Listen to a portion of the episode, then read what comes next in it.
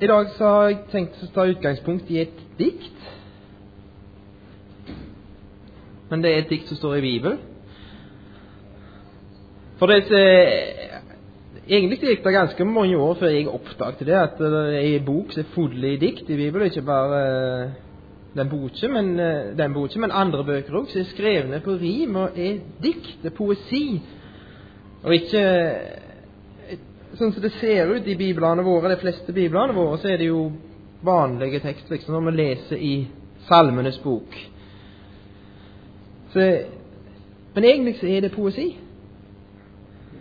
Og det er ei salme som jeg har et spesielt forhold til, som jeg har lyst til å, å si litt om i dag. Og det er Salme 107.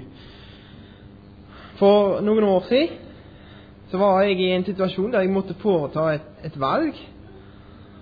Og jeg hadde en to-tre alternativer.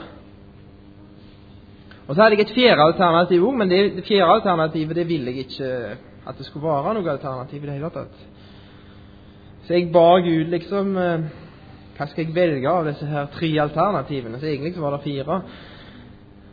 Men jeg ville ikke innrømme det at det var fire. Og så fikk jeg ikke liksom svar på den der bønnen der. Hva jeg skulle velge av de tre alternativene. For jeg var ikke villig til å gi Gud full frihet til å lede meg. Det er ikke sikkert at det fjerde alternativet var et alternativ. I ettertid så tror jeg ikke det. Jeg tror ikke det var det Gud ville at jeg skulle gjøre. Men situasjonen var at jeg var ikke villig til å vurdere det. Til å la Gud få lede meg. Og så valgte jeg. Til slutt så måtte jeg bare ta en avgjørelse og gjorde et valg. Og så gikk ikke det så bra. Og så kom jeg inn i en situasjon der alt var mørkt. Der jeg ikke så noe, liksom, noen mulighet til jeg hva jeg skulle gjøre videre i livet, rett og slett. Hvordan, skulle, hvordan det skulle ordne seg for meg. Jeg hadde rota det til. Og det var mørkt, og jeg ba, og det var liksom stengt alt. Og Til slutt så prøvde jeg på noe som jeg ikke hadde noe tro på da. Jeg har ikke noe tro på det nå heller, egentlig. Men jeg bare tok, og så, tok Bibelen min og så åpna jeg den på måfå. Og så var det et vers, så kom jeg til et vers som uh, ikke hadde noen som betydning for det som var problemet mitt. Så jeg tenkte nei, jeg får prøve en gang til. så åpna jeg en gang til, og da kom jeg til Salme 107. Og den gikk rett inn i situasjonen min. Eh, så Jeg tror ikke det var noen lur måte å gjøre det på. Jeg tror ikke det er så Gud leder oss. Men Gud han er nådig, og han han ser på hvordan vi er, og så brukte han det. Hjelpte meg i den situasjonen.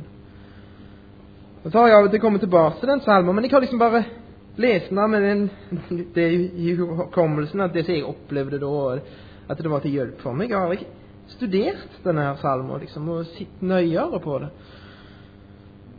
Og når, vi, når jeg gikk på gymnaset, så hadde vi noe som heter diktanalyse. Og det likte ikke jeg. Det var var pyton. Det var jeg imot, for jeg mente det at et dikt det skal du, det skal du bare la virke på. Du skal føle Du skal ikke analysere det hele og sitte og så, ja, drive vitenskapelig arbeid på et dikt.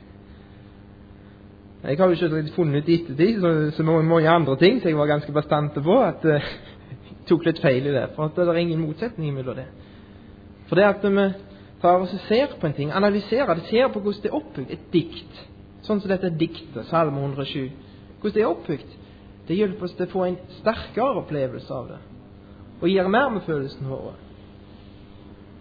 Og Tenk at denne boka er full av flotte dikt som vi kan bruke hovene våre og følelsene våre og hjertet vårt til å forstå. Og så få en opplevelse av dem. Ikke bare av dem, men få en opplevelse av Gud. Og da er det sånn med Salme 120, at den er, den er delt inn som et godt dikt er. Det er en oppbygning i det.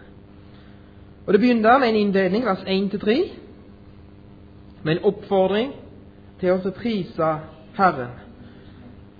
Og så kommer det fire avsnitt der det blir beskrevet noen folk som kom i en vanskelig situasjon. Og så i alle fire avsnittene så gjorde de det samme når de kom i den vanskelige situasjonen. Til slutt så ropte de til Herren i sin nød. Det står i vers 6, i vers 13 og i vers 19 og i vers 28. De ropte til Herren i sin nød. Og så kommer det en beskrivelse av hvilken måte Gud ordner opp i problemene deres på, når de hadde ropt til Han.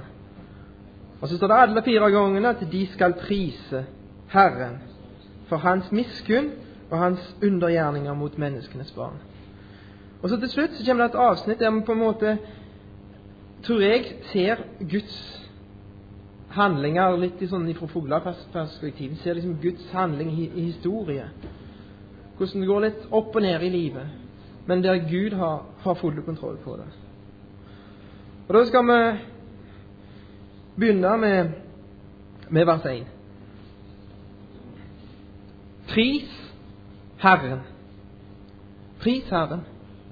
Skrøyt av Herren. Si fine ting om Han. Snakk om hvor bra Han er. Altså, Det er jo mange ting som er priser. Noen av oss eh, skrøyter av datamaskiner og biler og Ser et fint hus, så snakker vi fint om det. Ser en fin film, så skrøyter vi av den. Noen liker fotball, og de skrøyter av fotballag og fotballspillere. Snakker om hvor gode de er, hvor flotte de er. Men det er en som er en helt annen klasse, en klasse for seg sjøl, når det gjelder å fortjene det at vi skryter av han, At vi snakker om hvor god han er, og hvor flink han er, og hva han kan, og hva han er. Og det er Herren. Pris Herren. Hvorfor det? For han er god. Er det noe tvil om det, da? Var det noen gang noe tvil om at Gud var god? Jeg har av og til tvilt på om Gud er god. Av og til. Når ting skjer med folk, vonde ting skjer med folk, når vonde ting skjer i verden Kanskje når en tenker på hvordan det ender med de som ikke tror, så kan en av og til begynne å lure er Gud god. Og Den der tvilen der i, i hjertet, den, det var noe, det, noe, av det første djevelen begynte med i Edens hage. Og så sto tvil om er Gud er Gud god, egentlig. Er han god? Og Når du begynner å tvile på om Gud er god, så får du problemer med å prise han. Og problemer med å tilbe han. For du er i tvil om han er god. Men han er god. Og det skal denne salmen vise oss. Han er god. Og ikke bare det, men hans miskunn, hans barmhjertighet, den varer til evig tid. Og Det er jo noe som jeg har av lurt på. Hvor lenge varer hans miskunnhet? Når gir han meg opp? Når sier han 'nå er det nok, David'? Nå har du rota litt for mye. Nå har du sløst litt for mye med tida di. Nå har du brukt litt for lite. Nå har du brukt for lite. Nå du liksom ødelagt. Nå nå er det nok. Nå, nå, får du bare være der, der du er i den situasjonen du er. Når sier han det? Når slutter han å ta seg av meg? Aldri. Han slutter aldri å ta seg av meg. Selv om at han av og til kan la meg kan si det at ok, nå må du ta konsekvensen av valget dine. Og leve med det. Så slutter han aldri å være barmhjertig og ta seg av oss. Hans miskunnhet varer til evig tid. Og Derfor skal vi prise han. Og så kommer de fire eksemplene her. For det er noen som skal si dette, noen som skal si pris Herren for han er god. Og det er de som Herren har befridd, de han har gjenløst, de han har forløst av nødens ånd. Og det første, det var de som står i vers 4, som for vilt. De for vill i ødemarken, på ørkenstier. De fant ikke en by de kunne bo i. De var sultne og tørste, deres sjel vansmektet i dem. De gikk seg vilt. Og Det er noe som skjer av til. Du går deg vilt. Det skjer av ofte når at du er opptatt med helt andre ting enn å passe på veien og, se hvor, og på målet og hvor du har tenkt deg hen. Så plutselig er du en plass. Så du, du vet ikke hvor du er lenger. Henne. Og du finner ikke veien. Jeg har aldri hørt om noen som gjeres på å gå seg vilt. Det har ikke jeg hørt om. Kanskje det er det, men det er mye løye. Men som oftest går du deg vilt på grunn av at du ikke passer på. På grunn av at du ikke er oppmerksom. På grunn av at du ikke konsentrerer deg. På grunn av at du ikke har kartet med deg, kanskje. Så går du deg vilt. Og plutselig så oppdager du det. At jeg er en plass. Så jeg vet verken om jeg skal gå framover eller bakover, til høyre eller venstre, eller noen ting. Og sånn er det av og til i livet. At vi blir opptatt, jeg iallfall, blir opptatt med så mye annet enn det som har med Gud å gjøre, med Hans Sønn å gjøre, og med evigheten å gjøre, og med de konsekvensene som evigheten skal ha for dette livet å gjøre. Det går meg vilt. Så plutselig er jeg i en situasjon der, der jeg ikke vet noen vei. Jeg er i en, en øde plass, sånn som disse var. På ørkenstier. Det var ikke mat. Det var ikke noen by de kunne, kunne bo i. En by det er en plass der du har alle tilbud. Det merker vi når vi kommer til Bergen. Vi bor i en by vi òg, som heter Åkra. så definert som by med ca. 6000-7000 innbyggere. Men når du kommer til Bergen, så merker du hva en by er. Det er alle mulige tilbud. Det er alt du trenger av for kropp, og hvis du vil ha noe for sjela, så finner du det òg. Og hvis du har noe for, for tanken, så finner du det.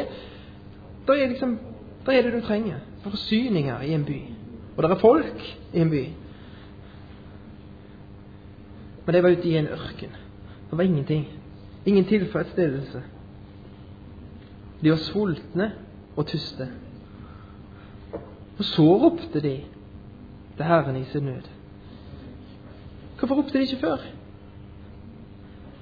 De gjorde sikkert det. Jeg tror de gjorde det. Jeg tror de ba, sånn som jeg gjør, at eh, nå må du hjelpe oss. Nå har vi det vanskelig. Men egentlig så trodde de fremdeles at dette her skulle de klare å ordne opp i sjøl. Dette her skulle, nok, skulle de nok få til på et vis. Så er det iallfall med meg. At jeg ber til Gud om hjelp. Men egentlig så prøver jeg å klare det sjøl. Men så kommer det punktet der du virkelig roper til Herren i din nød. Når det ikke er noen annen mulighet. Da ropte de til Herren i sin nød. Og da, med en gang, av deres trengsler, fridde han dem ut. Når de kom der til, da satte han i gang. Og så tok han seg av problemene deres. Akkurat de problemene som står nevnt i forhånd, de tok han seg av. Han førte dem på rett vei, så de gikk til en by de kunne bo i. De skal prise Herren for hans miskunn og for hans undergjerninger mot menneskens barn. For han mettet den tørstende sjel.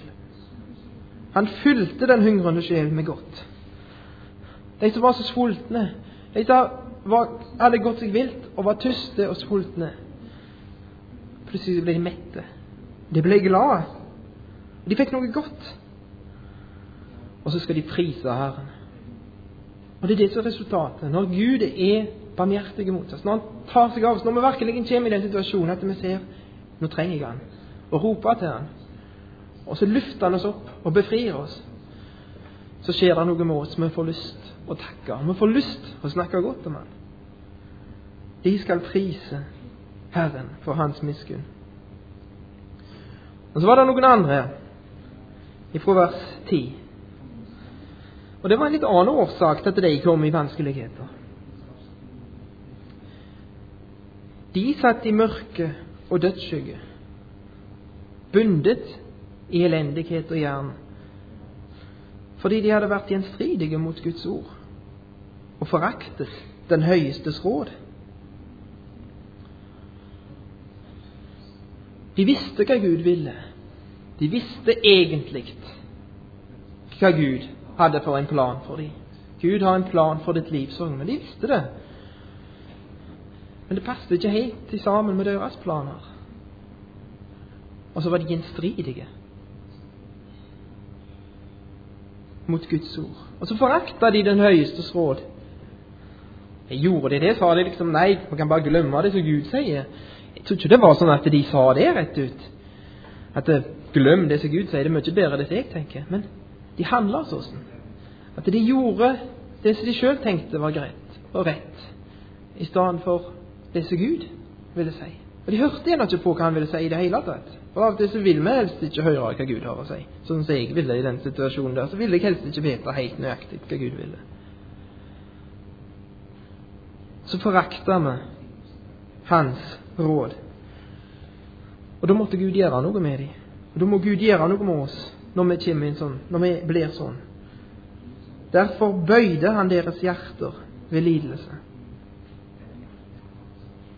Derfor bøyde han deres hjerter ved lidelse. For det er det som er problemet. Det er et hjerte inni her som er stolt. Som klarer seg sjøl. Som vil få ordne dette her sjøl og finne ut av ting sjøl. Og det hjertet, det stolte hjertet, det må bli bøtt. Det må bøyes. Jeg har et sånt hjerte. Derfor bøyde han deres hjerter ved lidelse. De snubles, og det fantes ikke noen hjelper. De fantes hjelp noen plass. Det var ingen som kunne hjelpe dem. Altså lette de etter en hjelper, men de fant ingen. Og da, som siste utvei igjen, så ropte de til Herren i sin nød.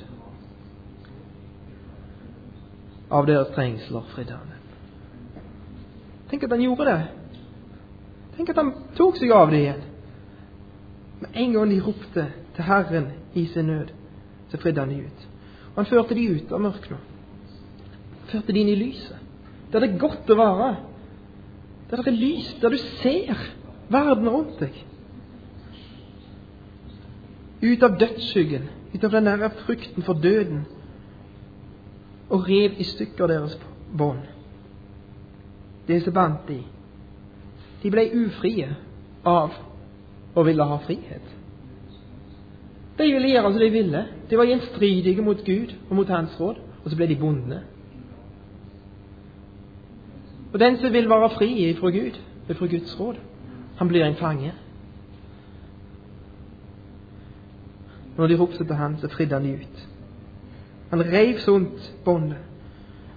Og han, i vers 16, brøt i stykker porter av kobber og hogg i sønder bommer av igjen. For det var ikke bare så at de var fanget av noen kjettinger og noen lenker rundt, rundt hender og føtter. Men når de var løste, så var det for de fremdeles innesperra. Og det var ikke noe småtterier som sperra de inne. Porter av kobber og bommer av jern. Men for Gud var det ikke noe problem. Han hogde sånt. Han befridde de. Og de, i vers 15, skal frise Herren for hans miskunn og for hans undergjerninger mot menneskenes barn. Og så er det noen som kommer i en litt annen situasjon og gjorde litt andre ting. Fra vers, vers, vers eh, 17. De var dårer. De var torsker og ble plaget for sin syndige vei. Da er det ikke bare det at de ikke ville høre på hva Gud ville, men de gjorde bevisst det som Gud sa var gale. Og Det er litt forskjell på det. For det er mange ting som har lov å gjøre, som ikke er forbudt å gjøre. Men det er ikke sikkert alt av det er det som Gud vil for oss, for akkurat meg og deg. Men det er noen ting som er synd. Noen ting som er helt klart Gud har sagt 'dette skal du ikke gjøre'. Men de gikk på den syndige veien. Og så ble de plaga. Og deres sjel fikk avsky for all mat. De kom nær til dødens port. Og de ble sjuke, rett og slett. For det er det som skjer når du blir sjuk, så mister du matlysten. Og det sjukere du er, det mindre lyst på mat har du. Maten kan være tilgjengelig. Det er fullt av mat du kan spise. Den flotteste middagen. Det beste livretten din står på bordet. Men så er du sjuk, så klarer du ikke å, nyte av det. Du klarer ikke å ta det til deg. Du får avsky for det. Og de kom nær til dødens porter. Og da ropte de til Herren i sin nød. Av deres trengsler frelste han dem. Legg merke til gjentagelsen her. Hva gjorde han da? Jo, han sendte sitt ord og helbredet dem og reddet dem fra graven. De, første, de forrige gruppa de hadde Guds ord, men de brydde seg ikke om det. Men dette her, i denne gruppa, de fikk Guds ord i den situasjonen. Og så gjorde det de friske. De gikk på en syndig vei og øyler livet sitt med det. For synden den er fine, den. Synden er attraktiv, den. Men hun øyelegger. Hun gjør sjuk. Og så kommer Guds ord og helbreder og gjør heile. Og så redder han dem ifra graven, ifra døden. Syndens lønn er døden. Men Guds nådegave er evig liv. De skal prise Herren for Hans miskunn og Hans undergjerninger mot menneskenes barn. De skal bære fram takkoffer. Det står liksom mer om dem. Salig er den mann hvis synd er forlatt, hvis misgjerninger er skjult. De skal bære fram takkoffer og fortelle med jubel om hans gjerninger. Men Nå har vi vært innom tre grupper, så alle gjorde noe som ikke var rett. Og så havna i elendighet på grunn av at de gjorde noe som ikke var rett. Er det forklaringen på alle vanskeligheter vi kommer opp i, jeg og du? At eh, vi har gjort det et eller annet gale? Jobb i Det gamle testamentet han hadde noen venner som mente det. At eh, Jobb, du kommer i noen forferdelige vanskeligheter nå, og da må du ha, må du ha gjort noe gale. Det er et eller annet i livet ditt, et eller annet som du ikke vil fortelle oss om. Er et eller annet du har gjort, Jobb. Det er helt sikkert. For det er ikke sånn som det skjer ikke. Du har gjort noe galt. Jeg tror det er, det er av og til så. Og det kanskje er det ofte så. For at Gud må bøye hjertene våre, de gjenstridige hjertene våre. Gud må la oss smake konsekvensene for at vi virkelig skal rope til Ham og få del i frelsen Hans. Men her står det om noen som for ut på havet i vers 23 i skip, som drev handel på store vann. Var det noe gale med det, da?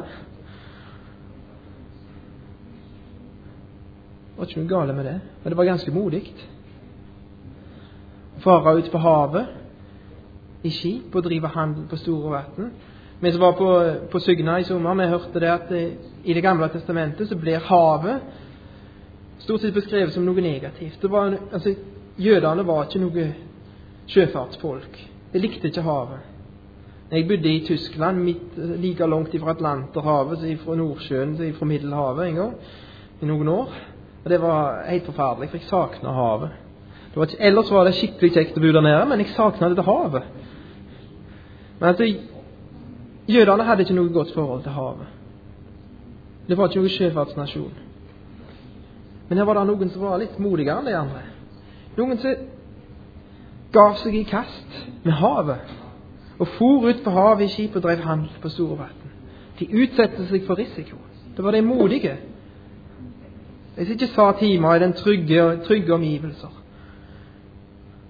Og som en følge av at de var modige, så kom de i vanskeligheter. De så Herrens gjerninger og Hans underverker på dypet. Han bød og lot det komme en stormvind som reiste store bølger. De for opp mot himmelen, de for ned i avgrunnen. Deres sjel ble motløs i ulykken.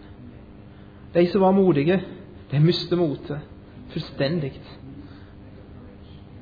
De tumlet og ravet som en drukken mann. Med all deres visdom var det forbi. Det var sikkert folk som kunne dette, her, som hadde, følte seg trygge på det de kunne. Hadde kompetanse på dette. her. Men nå var det slutt med deres visdom. Da ropte de til Herren i sin nød. Og av deres trengsler førte han dem ut. Han gjorde stormen til havblikk og fikk bølgene til å tie. De gledet seg av at bølgene la seg til ro, og han førte dem til den havn de ønsket. Han tok seg av dem. Og Hvis vi er modige,